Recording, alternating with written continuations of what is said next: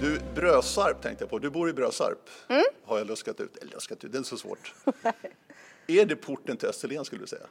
Du, För det här är intressant, var gränsen går. det här, det här är en mycket känslig fråga och vi Ja. inleder med den. Alltså, nu kommer jag få många ovänner. Men jo, eh, Piratens rastplats uppe på höga backen precis innan Brösarp är ju en fantastisk port fysiskt. Mm. Alltså för där kommer man och så bara blickar man ut och inser.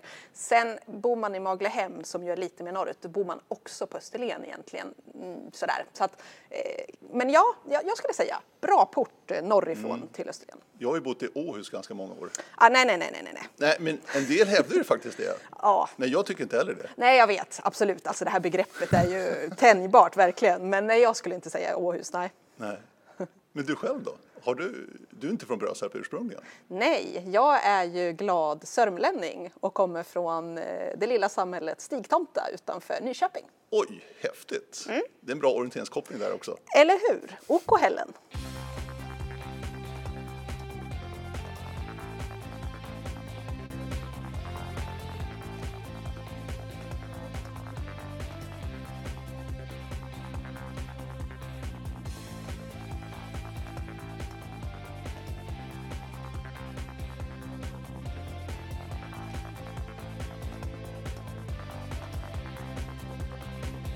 Du, eh, Malin Rimfors, jättevälkommen till Radio O Podcast. Tack så mycket. Jag tror vi börjar den ämnen faktiskt, orienteringsämnen, för att du har en koppling då, och då vet vi nu, Stigtomta och Kohällen, det luktar jättemycket orientering. Det finns meriter där. Tyvärr har jag själv inte direkt stått för de resultatmässiga meriterna där. Men jag eh, orienterade min barndom, i alla fall fram till 12-13 års ålder. Spelade samtidigt fotboll och valde där sen att satsa mer på fotbollen. Men eh, min familj orienterade, jag har två äldre bröder och det var genom dem som mina föräldrar kom in i orienteringen. Och vi hade ju det som ett familjenöje under min uppväxt. För orienteringen är stark, verkligen, i Stigtomta. Ja, verkligen. Eh, Samlar ju massor med människor där och eh, under de där åren så var det en jättestor barn och ungdomsverksamhet och duktiga ledare som tog hand om det där och eh, ja, man, man kunde hitta sin plats där. Och du själv då, hur mycket orientering blir det nu för tiden? Ja, sen, för, faktiskt en del nu igen, för så här på lite, lite äldre dagar eh, så har jag hittat tillbaka genom barnen till orienteringen igen och det är där jag tycker den är så fantastisk, att den utesluter liksom ingen i någon åldersgrupp utan man kan också få komma in när man vill. Och då har jag gått lite sådana där liksom, nybörjarkurser med barnen, eh, sprungit några tävlingar, vi har åkt på ett par O-ringen, eh, för folkfesten, för gemenskapen, ja men för motionens skull. Eh, Så, så ja, jag har en re- relation till orienteringen idag också. Och i Brösarp är det ju andra rums IF, Det är som det. är orienteringsklubben. Liksom. Ja, precis. Det är rätt häftigt. Ligger lite utanför där, men eh, jättefin förening som ja, men har bra verksamhet och sådär. Jag Mm. har faktiskt tänkt på det nu under pandemin. Eh, bara en sån enkel sak som att de nu har satsat på att skapa en veckans bana. Liksom, gör en bana, Mm. eh, lägger kartor i ett hus där man kan komma och hämta det. Man bara skriver upp sig på en lista. Jag kan ta med mig barnen, springa en fantastisk eh, sommarkväll eh, nere vid havet. Jag kan klättra upp på Brösarps backar, jag kan vara i skogen och vi kan tillsammans, liksom en, en söndag spontant sticka ut och, och bara, bara för att komma ut och göra någonting. Sånt fantastiskt värde när allt annat har ställts in och när man inte kan träffa någon. Nej, alltså skogen har ju varit ett bra element Verkligen. i coronapandemin. Verkligen. Så är det ju. Och för de föreningarna som har orkat liksom hålla i och försöka skapa de här möjligheterna så tror jag det är så Mm. väldigt, väldigt värdefullt. Jag tänkte det här samtalet ska handla en hel del om pandemin naturligtvis och de konsekvenser, effekter och hur det har påverkat oss generellt och i stort. Men väldigt mycket fokus på ungdomsidrotten, bredd, motionsidrotten. Vi pratar mycket om elitidrottarna som också är drabbade, absolut, jättemycket. Men det finns en stor annan grupp också som är väldigt intressant att prata om. Du, eh, innan vi släpper Brösarp bara och orientering. Eh, Det har ju gått några slutetapper O-ringen där nere i de där faggorna. Väldigt många elittävlingar har gått där också för Mm. att det är, det är den närmaste kontinenten vi kan komma här i Sverige vad gäller terrängen, just Ja. i Brösarp faktiskt. Sant. Riktigt häftigt. Ja. Men har du koll på slutetappen? Den senaste måste du ha koll på i alla fall. Ja, absolut. Då var jag själv där. Ja. Oh, jag, bara, jag ser det framför mig. Det var så mäktig syn. liksom. alltså. 10 000 som väller ut där Ja. på det här hedlandskapet. Ah, det var riktigt vackert. Det är, det är nog det mäktigaste panoramat vi har haft någonsin faktiskt. Med det vädret som var den veckan Ja, också. också. Det var så otroligt. Ja, det minns jag väl. Ravlunda var ju det Ja, skjutfältet. Ravlunda skjutfält där. Precis norr om Brösarp. Så var det lite roligt att eh, Länsstyrelsen var ju väldigt glada över att orienterarna skulle komma där och riva upp så mycket eh, sand Mm. eftersom det växer igen och det anses vara ett problem. Men sen var man nästan lite besvikna efteråt att orienterarna har gjort för lite åverkan på marken. Det Ja, tyckte jag var lite så roligt. 10 000 orienterare Ja, precis. räckte inte. Nej, Det var ju framförallt den etappen som gick för Friseboda. Ja. Eh, i det är ju reservat, hela Ja. strandskogarna där som är fantastiskt. Det är ett eh, mecka, eldorado för orienterare verkligen. Mm. Framförallt den här tiden på året, i mars månad, så brukar det bara komma hur många tusen som helst. Mm. Men då var det så, det är en kryptall nämligen, som inte tillhör det naturliga. Det var den de ville få bort. Det var därför de släppte in orienterarna, för att det gör ingenting, vi ska i alla fall in med maskiner sen. Lite Just så det. Ja, resonerar precis. de. Ja, precis. Så att de fick tillgång till Friseboda och bjuda på den här stranden, ja. strandterrängen, som är magisk. Ja, verkligen. Jo, men, ja, men jag minns det nu när det, jag ser, jag ser bilderna framför mig. Sen ska vi också komma ihåg att 1974 så gick också slutetappen faktiskt O-ringen i Brösarp. Aha. Det är några år sedan. Ja, nej, den, den kände jag inte till. Nej. Men du själv Malin, du är journalist. Ja, Eh, sportjournalist skulle jag säga. Ja, eh, sportjournalist är jag faktiskt nu. Ja. Jag jobbar ju för eh, Radiosporten eh, nationellt på 60 procent av min tid och så på 40 procent så jobbar jag då lokalt för P4 Kristianstad. Eh, men också med sport där, så att eh, sportjournalist är vad jag kallar mig också. Många känner igen din röst. Det blir så när man jobbar på radion. Ja, precis. Jo, men så är det nog. Känner du av det ibland när du är ute så att när du öppnar munnen liksom, åh, jag känner igen den där rösten eller? Jo, men det kan ju vara sådär och särskilt när man träffar folk så, åh, jaha, är det så du ser ut? Och ja, mm, jo, men eh, lite så börjar jag märka av. Men det är det bästa med radion. Att man är fortfarande ganska okänd. Ja, du, det njuter jag av faktiskt. Ja, det är väldigt, väldigt skönt. Men du, att det blev sport då? Har Ja, du varit men, det hela eh, tiden? För du, skrivande sidan kommer ifrån va? Ja, precis. Jag jobbade ju i 12-13 år som skrivande sportjournalist då på flera olika både kvällstidningar och dagstidningar eh, lokalt och sådär. Ehm, men idrottsintresset har jag ju alltid haft med mig. Som jag sa, min orienterande familj som barn, att jag spelade fotboll och ägnade väldigt mycket tid åt det. Att framförallt min pappa är otroligt idrottsintresserad och har väl alltid liksom spridit den här idrottsglädjen och pratat om idrott som någonting självklart stort, viktigt, samhällsbärande. Eh, så kanske man inte tänkte på det som barn, men så här i efterhand kan jag se det.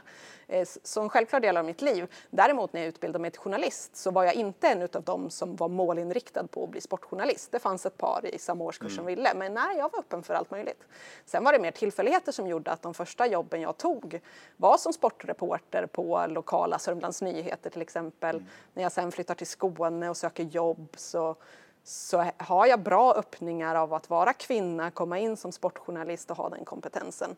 Eh, sen har jag under en period lämnat sportjournalistiken för att jag kände att jag vill prova något annat.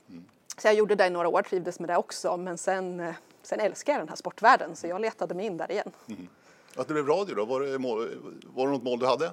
Nej, inte specifikt. Jag tyckte radio var otroligt roligt under min journalistutbildning som jag läste i Kalmar så att jag har alltid gillat det. Men, men det var väl lättare att hitta in till tidning och sen var det lite tillfälligheter. Kom in på P4 Malmöhus som lokal sportsamordnare där och planerade lokal sport och eh, därifrån så väcktes det där intresset mer. Och, eh, ja, nu känner jag mig verkligen hemma. Tycker det är så roligt att, att jobba med ljud. Vad är roligast då? Eh, Om det- du ser det i ditt jobbperspektiv. Ja, men alltså ja, vilka typ av uppgifter jag tycker är Ja. roligast? Ja, dels är det ju bara liksom eh, laborerandet man kan göra med ljud utan att vara besvärad av bild. Alltså jag förstår ju, det är ju underbart att få jobba med bild och ljud i samklang. Det är lite krångligare. Att bara liksom kunna laborera med upplevelsen någon får av ett ljud är ju underbar. Men sen just att jobba för Radiosporten och sen lite då lokalt är ju mixen av att kunna vara på live-arenor och känna adrenalinet utav liveidrott som kan vara en sån fantastisk upplevelse. Eh, jobba med granskande journalistik där man berör många människor. Ehm, ja, att, att mi- mixa här hela tiden. För en av dem sitter på Malmö stadion, vet, som Malmö FF mot IFK Göteborg kanske. Ja. Och nästa dag så är det ett smutsigt omklädningsrum någonstans i Tollarp. Ja, exakt. Och möter några brottarungdomar ja. eh, som har något jätteviktigt att berätta dem också. Eh, liveidrotten som berör så många, ger, skapar så mycket glädje och känslor ute i samhället. Eh, ja, men jag älskar att jag kan få vara i båda de här ändarna av idrotten. Mm. Ja, det har vi märkt också. Jag, jag är en väldigt flitig lyssnare alltjämt av Radiosporten. Mm. Så att jag hänger med dig också. Och framförallt det du har kommit in med tycker jag på Radiosporten, det är de här lite mer gräsrotssakerna som har saknats väldigt mycket. Det är ju väldigt, väldigt elitfokuserat Radiosporten, så är det ju. Mm. Vi följer ju liksom de stora ligorna, framförallt fotboll, ishockey, Alltså varje match bevakas ju. Ja men absolut och man får ju verkligen slå fast det att en av Radiosportens stora styrkor är ju de fantastiska rättigheterna och möjligheten att föra den här liveidrotten eh, hem i folks eh, köksradio höll jag på att säga, det har mm. folk inte längre men mobiltelefoner kanske. Mm. Eh, eh, men, men absolut, sen, det där, sen brinner ju jag för att, eh, att göra radio som också lyssnare liksom känner igen sig i som en del utav deras eh, vardag. Och absolut, elitlagen har sin plats där för att det, de berör många och sådär. Men, men jag tycker att det är just härligt att vara nere på gräsrotsnivån eh, möta barn, unga, vuxna, ledare som finns där ute i klubbarna. För ofta i den här lilla historien så, så hittar man ju ofta en ganska stor berättelse. Något mm. som många i landet känner igen sig i. Mm. Eh, och då kan man liksom inte bara stanna i elitklubbarnas omklädningsrum för då skildrar man inte det som är folks vardag. Nej, och det är det jag tänkte vi skulle prata om ganska mycket i den här podden, mm. vilket är jättespännande. Ja. Eh, coronapandemin som verkligen har påverkat oss alla verkligen på något sätt, ja. drabbat väldigt hårt många. Vissa har känt av det mindre, absolut, mm. men det har påverkat oss alla. Mm. Hur skulle du säga att på, idrotten har påverkats? Vad är det tydligaste liksom, som idrotten har drabbats av pandemin? Ja, det är lätt då egentligen att tänka på alla inställda mästerskap och uppskjutna matcher och coronaspridning i, i, på elitnivån som absolut har varit stor. Men eh, det allra största är ju restriktionernas eh, påverkan på eh, människors fysiska och psykiska hälsa. Eh, vi vet äldre tonåringar kanske en särskilt drabbad grupp som både fått restriktionerna av att ha gymnasiet på distans, mm. som inte har fått hålla på med sin elitidrott när undantag har getts för yngre barn och sådär. Ehm, så tror jag vi, vi börjar veta hur det påverkar dem. Men jag tror inte att vi vet det riktigt än, utan det här är någonting som vi kommer lära oss mer om 2021, 2022, 2023. Vi kommer att prata om det här tror jag som en vändpunkt. Mm. För du tror att det kommer påverka oss många år framöver och kanske förändra vårt beteende också i stora stycken? Ja, jag tror det. Tyvärr så till stora delar negativt tror jag för att eh, många förlorar den dagliga kontakten med idrotten nu. Ideella ledare som upptäcker att vad härligt det var att ha tisdag och torsdagskvällarna lediga. Eh, jag tror jag struntar faktiskt i mitt ideella uppdrag framöver. Ungdomar som inte återvänder till idrotten. För jag tror absolut inte att det blir så här att när, när vi är färdigvaccinerade och tycker att eh, coronaviruset är under kontroll så kommer det inte bara vara att öppna dörren och tro att nu kommer alla tillbaka över tröskeln här. Eh, utan vi kommer få jobba stenhårt om vi vill att unga ska tillbaka in i idrottsrörelsen. Och då är det inte, så här, då är det inte idrottsföreningarna tror jag, utan det här måste till så här, politiska beslut, styrmedel, riktade projekt på regional, kommunal, nationell nivå. Alltså här kommer samhället behöva ta sådana enorma krafttag om vi inte ska se folkhälsoeffekter långt framöver av att allt mindre rörelse, men också psykiskt eh, att man inte mår bra. För, för det vet vi, alltså det har gjort studier på i decennier nu, att, att man mår inte bra om man inte rör på sig. Nej. För de här restriktionerna som har lagts i olika omgångar och stramats till och hårdnat till eh, vartefter. Det var ju liksom 200 från början, gick det till 50 och nu är det knappt några alls som får vara med överhuvudtaget. Mm. Det har bakbundit föreningarna väldigt mycket, i min känsla.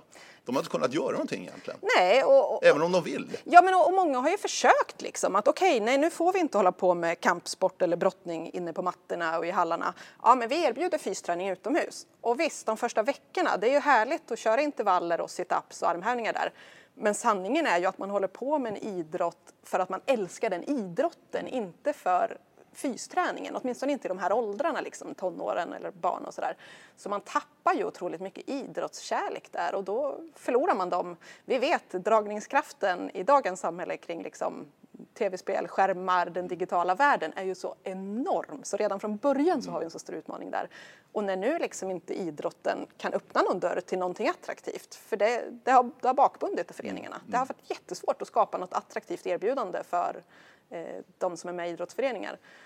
Ja, maktlösheten eh, i det där. Mm.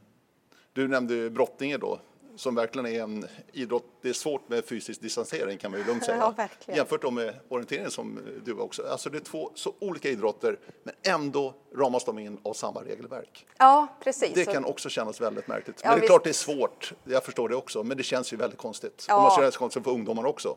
Ja, ja, ja. Och greppa sånt där? Ja, men visst. Och, och, här, vad ska man säga, samhället var ju inte förberett på en pandemi. Man hade inte regelverk som gick att börja tillämpa. Det, det, här kommer vi kanske ha nästa gång det blir en pandemi. Då kommer vi kanske kunna göra mera anpassade tillämpningar vad gäller allt ifrån mm. liksom publikfrågan till restriktioner och annat. Men nej, nu har ju alla dragits över en kam. Sen kan man ju säga att de som har drabbats hårdast är ju inomhusidrotterna. För som jag sa, även om inte orienteringen har kunnat haft tävlingar och det här som alla tycker är allra roligast, har man i alla fall kunnat göra någonting som är rätt så likt ordinarie verksamhet. Det har fortfarande gått att springa banor i skogen, inte samlas många och så, men man har åtminstone varit ganska nära. Medan eh, andra som kampsport eller eh, andra inomhusidrotter Alltså, de är ju inte ens nära att göra det. Gymnastik som jag också har mm. varit och träffat till exempel. Mm.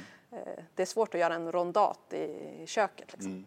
Mm. Men vad är din känsla, du som varit ute och träffat dem och gjort de här reportagen, vad är känslan, ungdomarnas inställning och vad tycker de och vad vet de egentligen om vad som händer? Ja men de har ju bra koll, alltså det kan man ju verkligen säga om unga generationer idag har ju otrolig kunskap, ja. alltså de serveras ju och tar del av så mycket kunskap så att de har ju bra koll men de är ju eh, trötta, ledsna och eh, även om inte jag har träffat någon som uttryckligen har sagt att jag är deprimerad så, så, så berättel, berättelserna som de beskriver, alltså det, man förstår att det här kommer sluta med en slags eh, uppgivenhet, tröstlöshet, eh, eh, sänkt välbefinnande och jag tror en stor psykisk ohälsa för att man mår otroligt dåligt av att det som har känts meningsfullt i, i ens liv, som man har tagit så himla självklart, liksom, är borta. Mm. Eh, och, ja, jag är liksom orolig för framtiden. Ja, verkligen. Det tror jag vi ska vara. Definitivt. För att det här är ju någonting som ingen var förberedd på dessutom.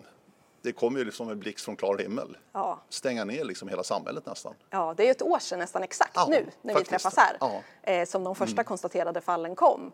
Mm. Eh, och jag vet, inte trodde vi väl då, då var man ju naiv och tänkte att ja, ja, men inte kan det väl, inte, inte, inte en hel säsong kan ju inte ställas in. OS kan inte ställas in. Nej. Nej, klart vi kommer fortsätta spela, men jaha, vi kanske måste liksom... Eh, men, men nu, ett år senare, mm.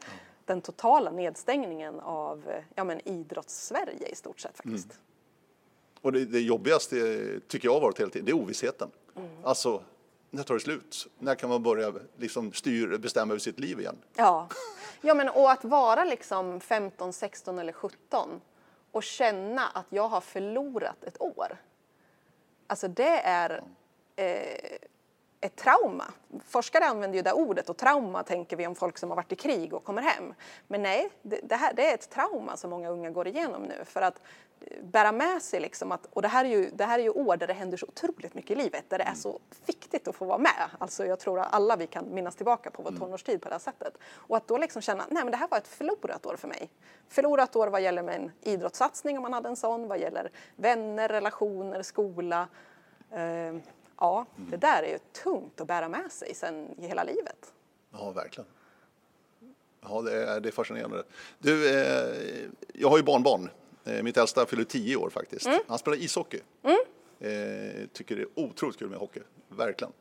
Eh, träningarna var nedstängda också ett tag. Sen fick de börja träna igen en mm. gång i veckan. Inga matcher den här vintern, eh, vilket har varit jättejobbigt tycker de, eh, verkligen. Och det han noterade framför allt var att jag fick inte ens komma och titta på träningarna längre. Nej. Som jag tyckte var fantastiskt roligt att liksom vara med Theo och se när han lirar och han uppskattar det jättemycket också. Ja. Men de här sidorna också, det är inte bara att de inte får röra på sig utan det här, de är vana vid gillar liksom att morfar är och kolla va? Ja, ja, och det är ju en stor del av, av hans idrottande Exakt. är ju att du också är Ja, med där. Han delar ju precis. det här med dig, det är ju en del av er relation. Ja. Så jag förstår ju det också är ju en otrolig förlust. Och att vara, precis när man är 10-11 år, att få spela matcher är ju det bästa man vet. Och, man, och det är ju liksom det som ska ta en framåt som hockeyspelare. Och så jättejobbigt för honom också. Sen får man ändå vara glad att de åtminstone har fått träna i de där åldrarna, för det har ju varit superviktigt tror jag. Mm. Men har det varit olika lokalt i Sverige liksom, hur man kunnat genomföra det? Eller har det varit sen samma över hela riket? Har du koll på det? Ja, det har väl varit egentligen. Det har ju varit samma restriktioner som har gällt kan Jo. vi säga överlag. Sen någon Men sen hur man så- tolkar dem, det är det jag menar. Ja, exakt hur man tolkar dem. Men jag tror att just det här med att föräldrar eller släkt inte har fått vara med och titta, det har ju nog varit ganska genomgående. Eh, fotbollen eh, och andra inomhussporter var ju ganska tidiga också, det som växer nu i det här med livestreaming av idrott. Så då har man ju liksom erbjudit morfar och, och mormor att följa sitt barnbarn eh, via en livesändning med mobiltelefon ja, kanske ett, eh, ett, ett komplement där, men jag tror ju aldrig att det ersätter den här, den här fysiska närvaron och den här relationen som ju du Nej. vet allt om då Ja, genom att precis. sitta där med, med sitt barnbarn. Ja, nej, det är inte samma sak. Nej, nej. Sen, sen dök det ju faktiskt upp en annan intressant diskussion som eh, kollegor till mig gjorde inslag om att eh, när man då har eh, förbjudit föräldrar att sitta med eh, på träningar så kunde också klubbar upplevas att det fanns en positiv effekt av det. Föräldrar som tar sitt barns idrottande på fel sätt, som är där för att skrika, lägga press, eh, trycka på tränare. De slapp ju tränarna nu och barnen nu. Och, och, i, vissa, i vissa fall så kunde det vara positivt att, eh, att inte alla var där. Så att, ja, det, det, det kan komma intressanta slutsatser åt flera håll. Ja. Du, du var inne på det här med eh, hälsan och vad det här kommer betyda för hälsan. Eh, det är ju jättesvårt att greppa och det är ett extremt stort område naturligtvis att, mäta.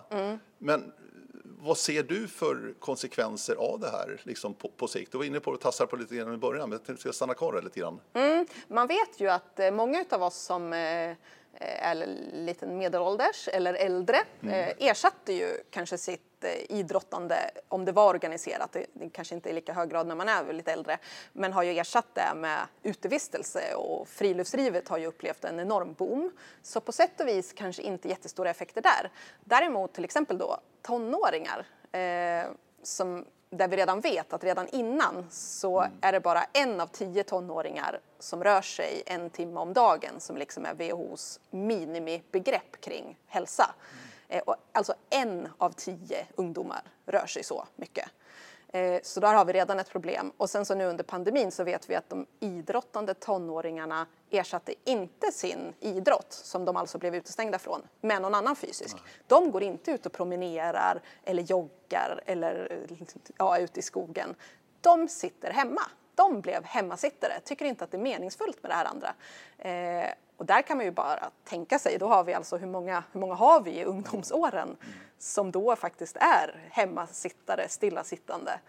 Eh, och hälsoeffekterna eh, framtida vård är allt ifrån liksom hjärt-kärlsjukdomar och, och övervikt och allt möjligt. Alltså där kan vi ju bara tänka oss en, en belastning. Ja, verkligen. För det är bara att se på eh, innan pandemin kom också det här med skolgymnastiken till exempel.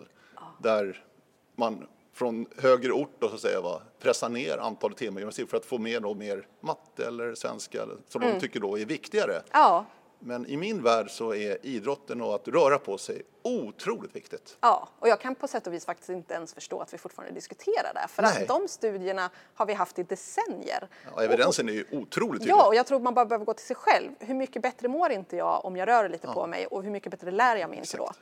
Ehm, och så håller vi på. Liksom. Vi kan utreda det i decennier och decennier och det finns, man tycker det, en politisk enighet. På pappret så fanns det en politisk enighet och så kan det resultera i att det blev 12 minuter mer gymnastik i veckan. Alltså det är ungefär det som är resultatet av radikala satsningar.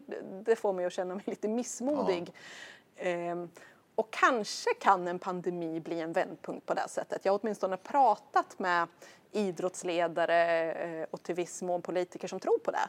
Eh, Som tror att pandemin kan bli ett sånt lågvattenmärke som gör att fler än du och jag som är i den här idrottsvärlden förstår vikten av det här och, och kanske kan göra en radikalare satsning i framtiden. Jag hoppas på det. Eh, vi skulle ha någon typ av fysisk rörelse varje dag i skolan. Då skulle också resultaten i matte och svenska gå upp Ja, alltså det är såklart Ja. i min värld. Ja, för mig är det också det. Alltså du har ju en, en skalle som är med hela tiden. Ja, och blodcirkulation Exakt. och ja. vi vet allt det här, det här giftet som sprids i kroppen när vi sitter stilla och så vidare. Så att, eh, sen behöver det ju inte vara sportsport. Det finns ett stort begrepp där kring vad som är fysisk rörelse, men, men jag hoppas att vi kommer dit. Vad tror du? Tror du att individuella idrottare kontra lagidrottare har påverkats olika av pandemin och dess effekter?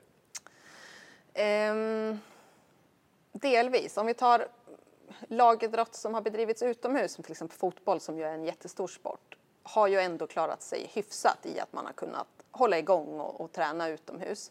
Individuella idrottare eh, har ju i större mån, alltså också i vanliga fall, ett större ansvar för sin egen träning och kanske är duktigare på att eh, hitta alternativ om de stängs ute från deras då inomhusmiljöer, om det är där man, man verkar.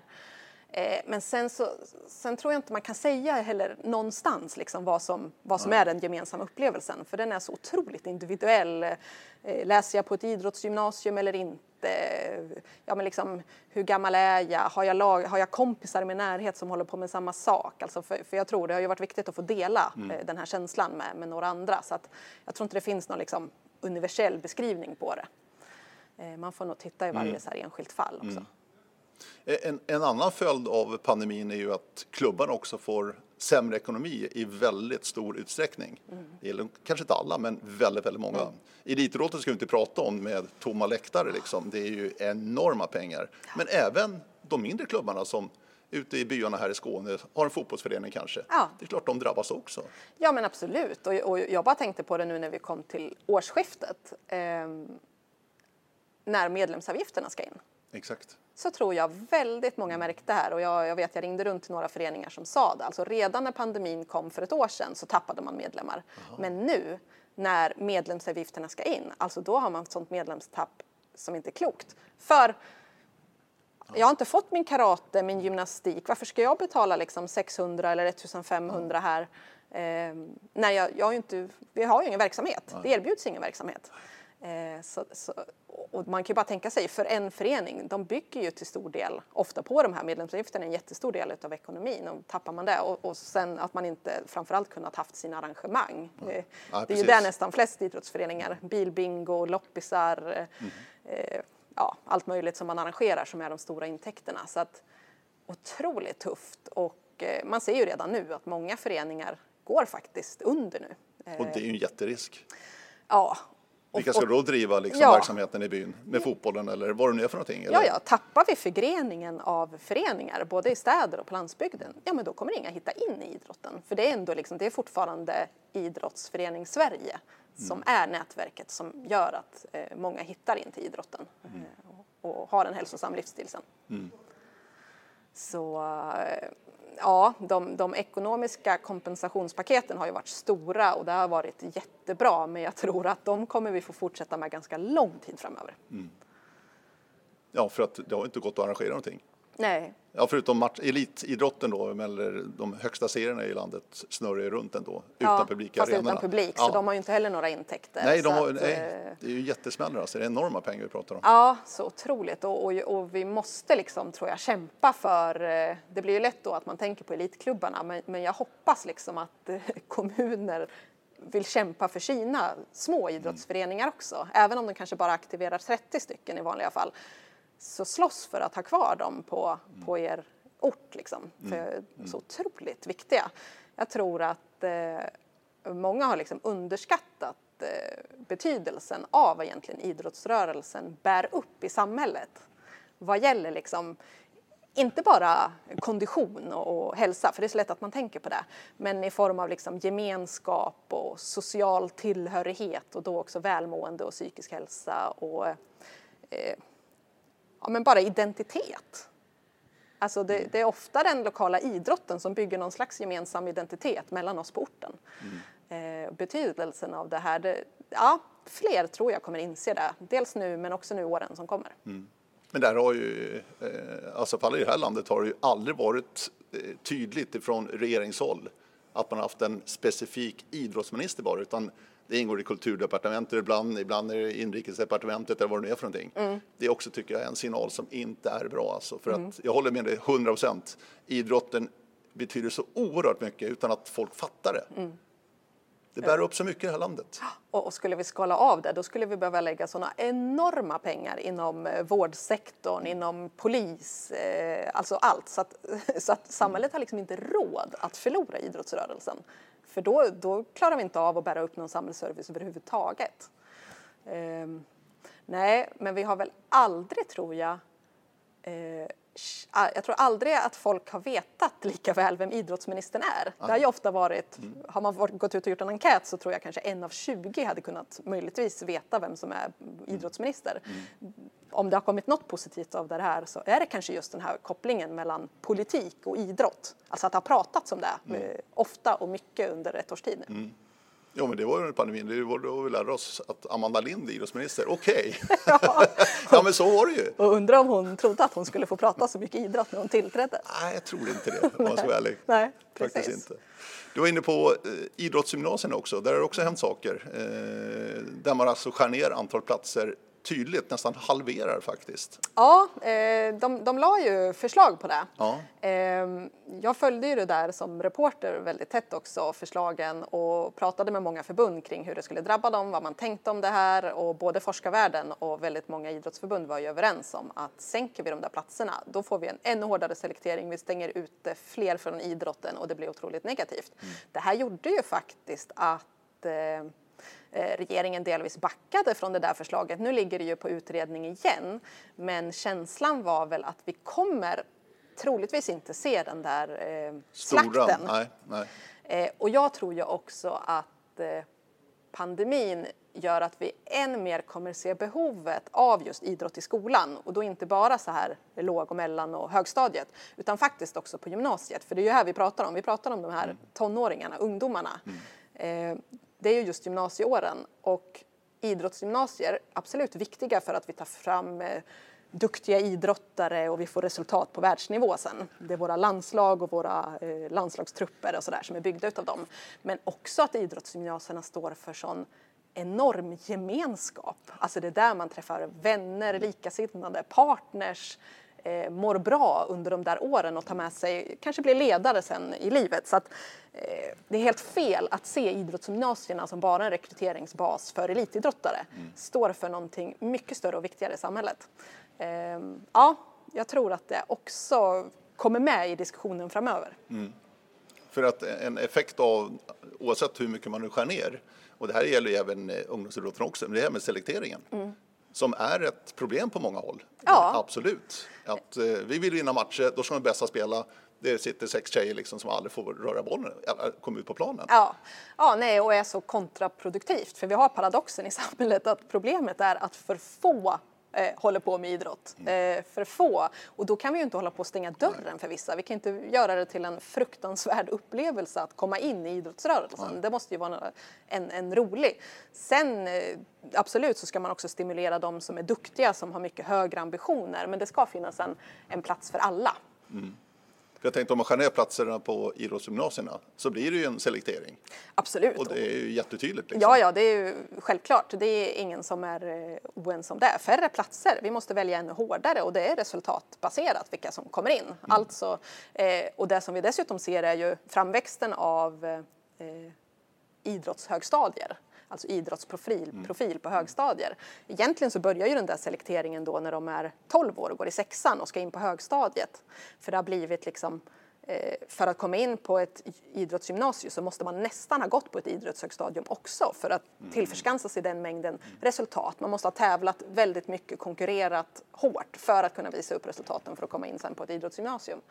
Ehm, och det vore väl, jag tror det skulle gynna alla. Sen tror jag absolut inte öppet så att hur många som helst, för det är nog inte bra för någon heller. Nej, det inte det jag menar. Nej, precis. Nej, det Nej. måste finnas någon typ av liksom prestationsminiminivå där. Men jag tror ingen tjänar på att vi skulle liksom halvera antalet eh, ungdomar. Det är svårt att se. En annan sak eh, som har med pandemin att göra, där de ställde in väldigt mycket i fjol, det är de här stora motionsloppen. Mm. Göteborgsvarvet, Lidingöloppet, O-ringen, för att Ja, tala om O-ringen. ja.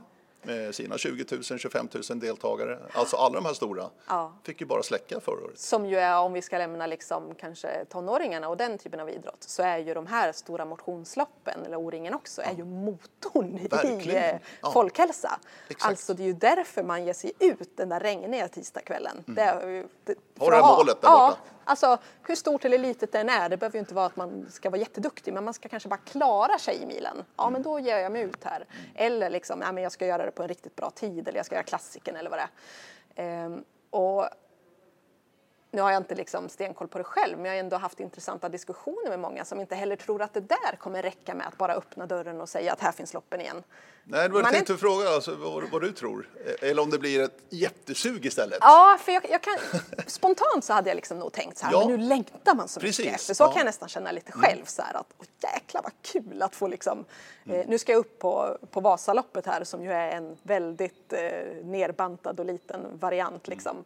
Mm. Eh, men jag längtar ju liksom till typ Vasaloppet eller de här stora liksom motionsloppen när det är folkfesten. För det är ju en underbar stämning där. Jag, bara, jag älskar den här stämningen. Ja, ja, Eh, och jag, och, så jag, jag skulle tro att folk eh, längtar tillbaka dit. Men kanske har man ställt om sitt liv så pass mycket att man inte tycker att det känns rimligt. Nej, jag vet inte. Nej, men jag hoppas ändå att vi behöver verkligen de där. Vi, jag tyckte vi hade någonting bra på gång där. Det var många som hittade glädjen kring motion med sikte på något av de här stora arrangemangen. Och där har ju bidragen varit nyckeln verkligen för att de överlever överhuvudtaget. Jag menar, få ställa in Ja. och tappa allting. Ja, precis. Nej, vi har inte råd med konkurser där för de, de bär upp en otroligt stor del av vardagsmotionen. Får se hur länge det håller på bara. Det är det. Vaccineringen säger ja, ja, absolut. Ja, men jag vill ha ett startdatum. Nu börjar vi om. Ja, tack, gärna. Ja, man trodde väl nu va, för nu är vi i mars och eh, ja, där vid årsskiftet, då trodde ju jag, eller jag tror alla trodde att vi hade kommit lite längre vad gäller vaccineringen, men det har ju inte gått så bra med leveranserna av de där doserna, så vi har inte kommit så långt där och det tar ju väldigt lång tid alltså. Ehm, nej, sommaren lär väl kanske bli en, en lite lugnare period, precis som det blev förra året. Att helt enkelt vädret gör att det där viruset... Sen kommer vi ju få leva med det länge, men ja, till hösten alltså. Ja. Jag, jag vet inte, hur länge till orkar vi? Nej, om du frågar mig så är det inte så länge. Nej. Jag vill att det kommer igång igen. Liksom. Ja, ja jag känner ju Eh. också det. För nu har vi liksom, nu ska till exempel, nu börjar snart en ny då, fotbollssäsong. Eh, Ja, tom- precis. Tomma läktare Ja, igen, Jo. om det nu blir så. Nu utreder de ju den frågan. Ja. Men för mig var det så påtagligt som har eh, jättemycket spikjobb på ett år. Ja. Jag hade inte ett jobb 2020. Nej, just det. Helt enormt. Det var så otroligt påtagligt för mig personligen. Ja. I mitt, det jag pysslar med liksom. Just det, det är ju du, Alla tävlingar bara stektes. du om någon vet ju vad den där stämningen är. Ja. eh, på, Ja, är på de stora arrangemangen. Ja. Ja. där du som speaker är en stor del av stämningen dessutom. Så att jag hoppas verkligen att vi kommer igång igen. Men man får nog, eh, man får nog liksom inse att det kanske aldrig blir som det en gång har varit. Alltså, Nej. det har jag tänkt tanken också. Ja, nej fullt ut så tror jag inte det. Nej. Eh, vi vet ju bara liksom arbetslivet, det tror jag aldrig riktigt återgår. Många av de möten... Ja, nu med hemmajobb och sånt här. Ja, Ja, hemmajobb, precis. digitala möten. Ja, där tror jag det exakt. förändras. Och med det förändras ju också kanske en del av motionen. Att eh, nej, men jag åker inte två mil till min närmsta ort och är med i föreningens aktiviteter. För nu har jag hittat ett sätt. Jag har min, jag har min lilla skog här, jag har mitt kompisgäng, vi kör ut i gymmet. Alltså att, att den organiserade idrotten kan få det tufft. Eh, att folk liksom inte är riktigt beredda det här med fasta tider längre. För vi har fått det så löst och individuellt. Vi var individuella redan innan. Men, eh, Ja. Där tror jag du är någonting på spåren, absolut. Ja. Vi såg ju bara här i Kristianstad då, där vi sitter nu i Kristianstad Arena förresten, Mm. eh, handbollsmatch ikväll inför tomma läktare. Och här, alltså det här är ett sånt bra exempel på en arena som är en sån fest varje Ja, gång. verkligen. Orange fest varje gång det är match.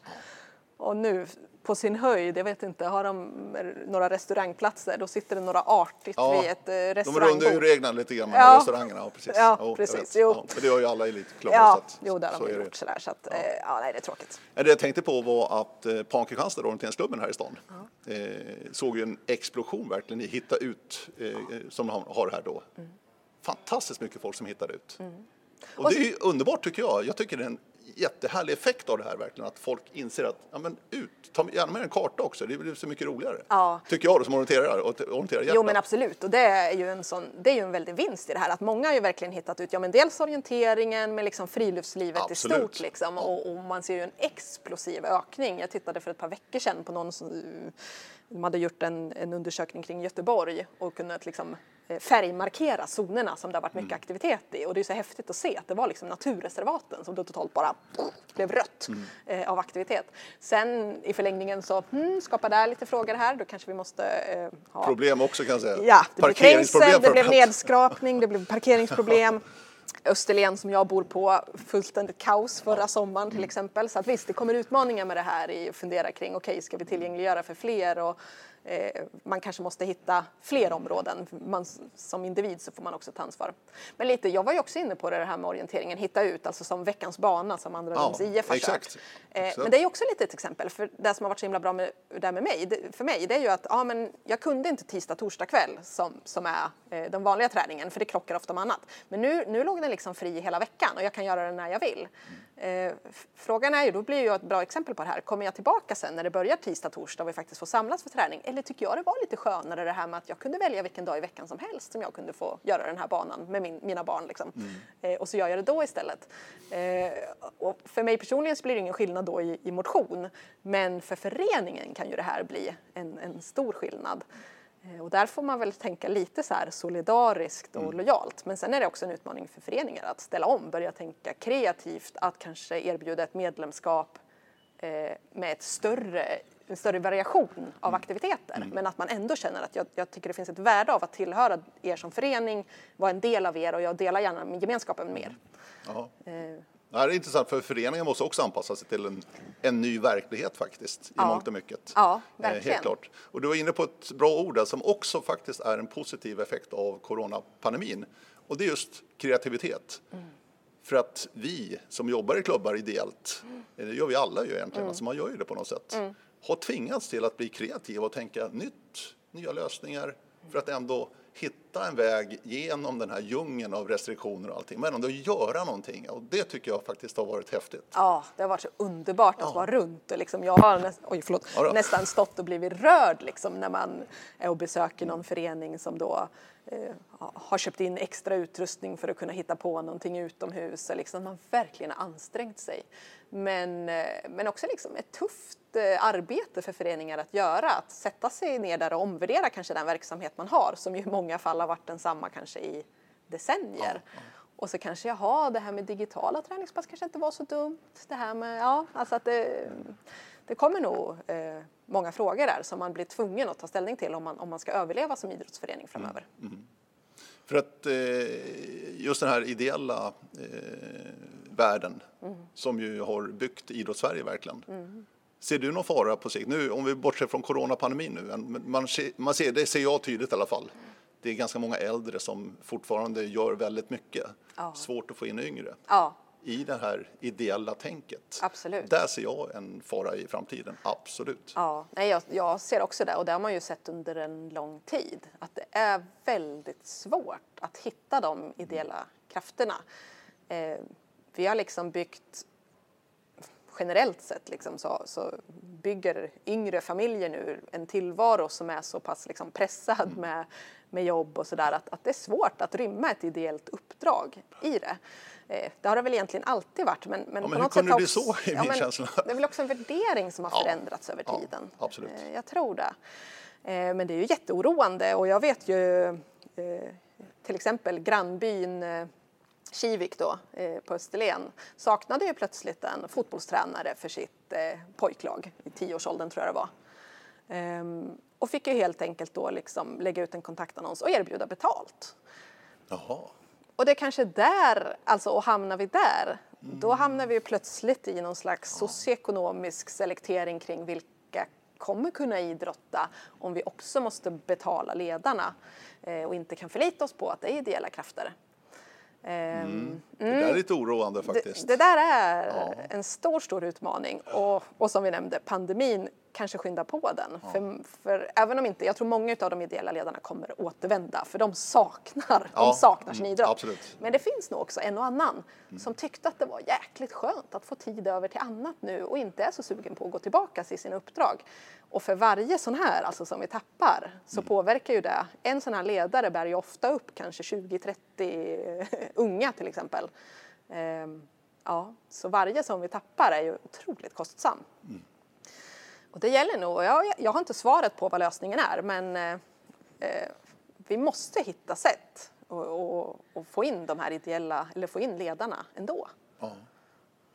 Men frågan är om det blir lättare eller svårare nu efter pandemin när vi liksom måste inrätta oss i en ny verklighet lite grann, för så är det verkligen. Mm. Jag är lite orolig att det kanske inte blir så jättelätt. Nej, jag tror inte heller det. Jag tror, eh, nej, jag tror att det blir svårt. Sen, man kan väl hoppas lite på den där effekten, precis som med motionsloppen, mm. att någonting som vi har saknat så länge så längtar vi faktiskt tillbaka mm. och man känner liksom att jag har gnällt lite kring det här ideella ledaruppdraget men jag insåg ju nu när jag varit utan det så var ju det faktiskt också en del, stor del av mitt sociala liv. Jag hade ju faktiskt fyra av mina bästa kompisar i det här gänget. Mm. Eh, och att man kanske uppskattade det då på ett annat sätt, värderade det till och med lite högre. Vi, vi kan väl hoppas på det men mm. jag, mm, jag är orolig. Mm. Men det har vi inte pratat någonting om egentligen. Det är den sociala biten också. Av det här. Inte få gå till träningen, inte träffa sina kompisar. Ja. Alltså kanske vara själv väldigt mycket som också sätter sig, alltså den här psykiska ohälsan och annat. Man bör fundera och Ja. Jättefarligt. Ja, ja, ja visst. Nej, ensamheten har ju varit enorm. Det var ju mycket fokus på den, de äldre som drabbades av hårda restriktioner och många som satt ensamma där. Men under den här tiden så har det varit alltså bara att vara ensamstående vuxen, mm. alltså ja, singel, mm. att inte kunna eh, träffa någon där. Eh, att vara tonåring eh, som inte har ett självklart kompisgäng när man inte får vara liksom, i skolans sammanhang, när man inte har sin idrott. Nej, jag tror ensamheten har mm. varit så enorm. Och där borde vi egentligen kunna hjälpa varandra. Ja. Vi är så många som törstar efter det så att egentligen så ska man inte behöva vara så ensam. Min känsla är ändå, kanske är hårt att säga, men vi är väldigt dåliga på det i Sverige. Ja, jag vet. Tyvärr. Vi har, vi har ingen sån kultur. Nej, åk ner till södra Europa. Ja. Där familjerna håller ihop på ett helt annat sätt och ja. hjälps åt. Alltså, vi, är, vi är jättedåliga ja, vi är det. Jag vet. Vi, vi är superdåliga. Och det, usch, men vi vet ju också vad ensamhet alltså ja. Det är ju verkligen en sån ohälsofaktor. Ja. Värre än övervikt. Ja, ja. ja visst. Men även elitidrotten har ju också drabbats av det här att många mår dåligt mm. av den här situationen. Det har ju du också kollat på Malin. Ja. Lite grann. Eh, men alltså elitidrotten menar alltså de som nästan tjänar pengar på sin, på sin, på sin idrott? Ja, precis. Eller, eh, ja, för du tänker inte på publiken där utan på... Jag tänker mer på utövarna faktiskt, alltså, ja. som också har drabbats av det här. Alltså, inte, alltså, för, för dem var det en enorm omställning bara att spela en handbollsmatch eller en hockeymatch inför tomma läktare. Ja, jo absolut. Och att det... Är det på riktigt här? Ja, men och till och med haft en, en motivationstapp i det. Alltså Exakt. ifrågasatt eh, är det det här jag har ägnat mitt liv åt att få utföra? Mm. Att liksom utan den här bekräftelsen och sammanhanget ja. så, så ifrågasätter man liksom hur viktigt och hur kul är egentligen det här? Oavsett om jag har min heltidslön och, och sådär så, så är det ju tufft. Och sen eh, publiken också, jag måste bara få komma in på det, att, ja, ja. att man är, forskarvärlden nu är liksom förvånad över att man visste att okej, okay, idrottspubliken saknar ju sin idrott för de tycker det är kul med sport. Men eh, de saknar ju också hela sitt sociala liv. Ja, där har du det också ja. ja. Självklart. Eh, och vi hade kurvan. i Radiosporten med eh, Djurgårdens, eh, Järnkaminernas ordförande där som berättade så himla fint om det där att, eh, att det här med att gå på idrott, det är ju inte bara att vi står där och delar den fantastiska eh, gemensamma upplevelsen hade, han sa ju så här, jag hade inte träffat min partner, jag hade inte haft någon flytthjälp, jag hade Nej, inte haft någon att ringa när bilen går sönder om jag inte hade haft mitt eh, kompisgäng. Det är familjen liksom? Ja, alltså ja. det är familjen. Ja. Oavsett om det är liksom bara att gå på byns eh, fotbollslag, tillhöra en orienteringsklubb mm. eller gå på elitidrott så är det ju så mycket så här socialt kring det där. Ja, verkligen. ja det är, ja, det är, det är himla fint. Ja, och, det, och, det, var roligt att höra eh, forskare som sådär, ja vi trodde nog inte att det skulle vara så tydligt att, det, att den sociala funktionen är så stor. Nej. Uh. Men det kan man förstå när du säger det faktiskt. Ja. För att de missar ju inte en match. Jag har många de... kompisar som har gått på till exempel jättemycket MFF Eh, så säger de så här, äh, jag saknar faktiskt inte så jättemycket fotbollen, men jag saknar att få stå där tillsammans med de andra, eh, göra den här grejen med mitt barn samtidigt och känna samhörigheten med de som är där. Mm. ja, det är häftigt. Ja. Du, Malin, tänkte vi skulle runda av det här. ja, Vad ser du fram emot mest i år? Nu Du- är det mars månad, nu är avsloppet på söndag. Ja. Vad, vad kul, det är jag lite avundsjuk på faktiskt. det ska bli riktigt Ja, roligt. Jag ska själv göra ett litet Vasaåk Ja, på lördagen trevligt. där, 10 kilometer, lagom för mig. Eldris till Mora. Ja, faktiskt, det blir det. Mm. Ja. Minivarianten, men jag ska i alla fall känna på. Det är bra. Eh, Men du, sen hoppas ju jag på OS i Tokyo. Ja, förstår det. För i så fall så åker jag dit Ja, som roligt. Mm. reporter också.